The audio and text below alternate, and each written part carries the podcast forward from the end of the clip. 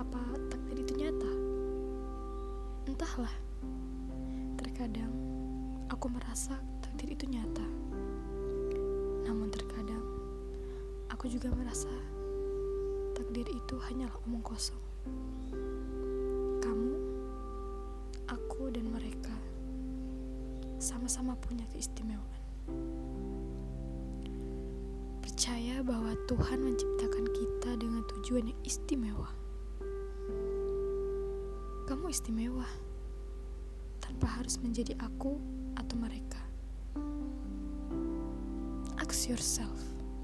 Cobalah bertanya pada dirimu sendiri. Aku siapa? Kualitas apa yang aku punya?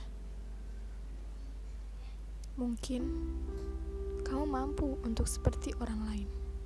Tapi, apa kamu bahagia menjadi istimewa dengan wujud orang lain?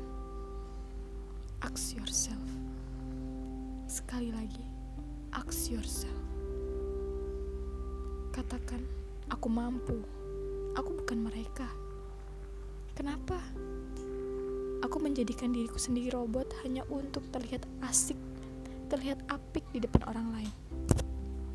Untuk itu, lakukan apa yang kamu mau.